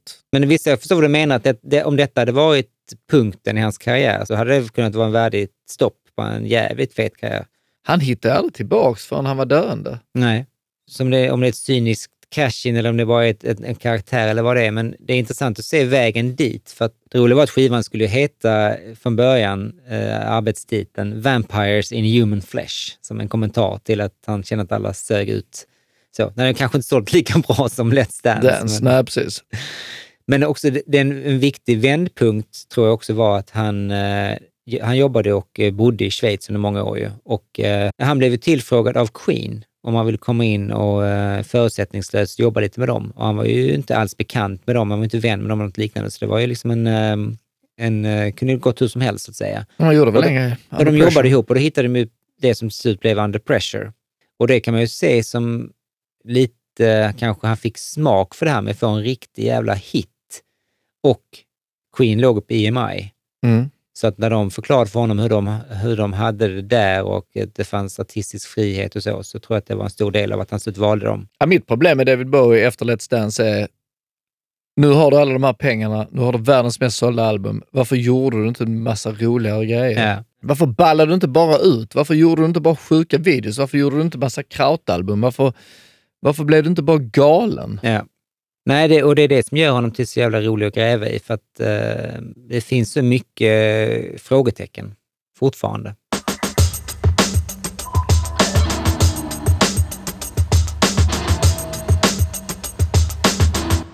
Men då tycker jag vi har väl eh, gjort Let's Dance rättvisa och eh, får väl stänga det här kapitlet. Och jag tackar dig Martin så mycket för att du ville komma hit och köta med mig än en gång.